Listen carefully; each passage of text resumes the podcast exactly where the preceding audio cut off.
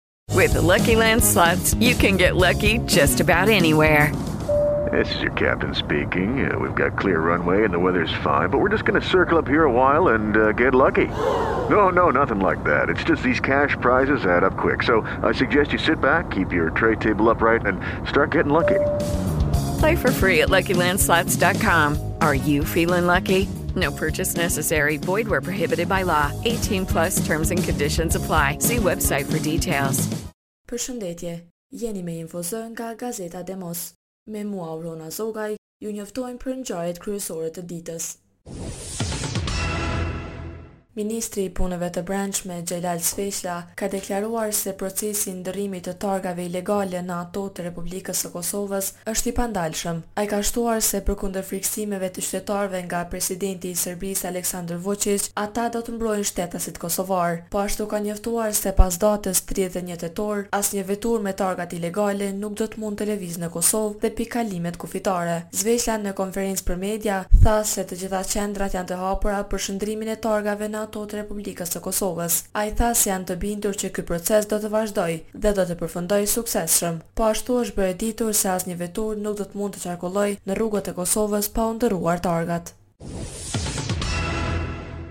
Qeveria e Republikës së Kosovës në një mbledhje elektronike të mbajtur sot ka miratuar vendimin për shpalljen e pesë Shtatorit si Ditën e Humanizmit në Kosovë. Data pesë Shtator përkon me ditën e shkuarjes në amshim të humanistes shqiptare Anjezë Gonxhe Bojaxhiu, e njohur si Nënë Tereza. Shpallja e kësaj dite si Ditë e Humanizmit në Kosovë do të jetë shenjë respekti dhe përkujtimi të vazhdueshëm nga Republika e Kosovës për të, thuhet në njoftimin e Qeverisë. Vendimin për shpalljen e pesë shtatorit si Ditë e Humanizmit në Kosovë e ka propozuar Ministria e Kulturës, Rinisë dhe Sportit. Ky vendim hyn në fuqi pas nënshkrimit nga ana e kryeministrit dhe obligon për zbatim Ministrinë e Kulturës, Rinisë dhe Sportit dhe të gjitha institucionet e tjera, thuhet tutje në njoftim.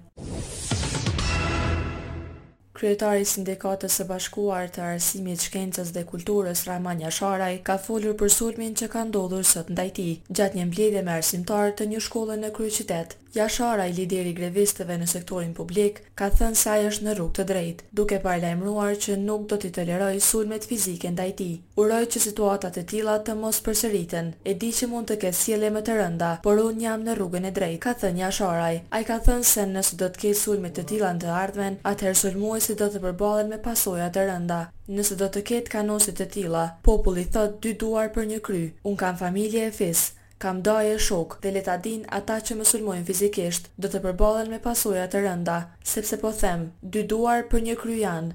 ka theksuar ai.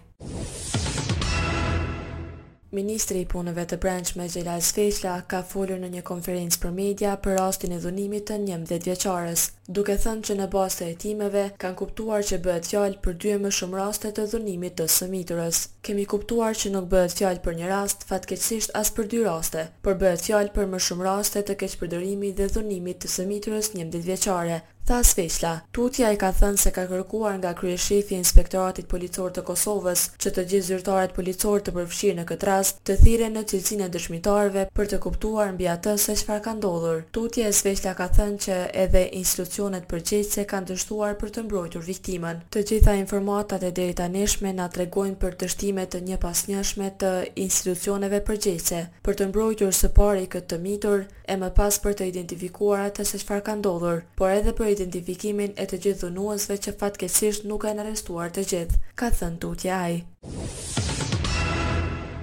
Ministria e Shëndetësisë ka njoftuar se në njëzet e katër orët e fundit një person ka vdekur si pasojë e Covid nëntëmbëdhjetë, ndërkaq nga njëqind e dyzet testime të kryera, njëzet e një prej tyre kanë rezultuar pozitiv me Covid nëntëmbëdhjetë.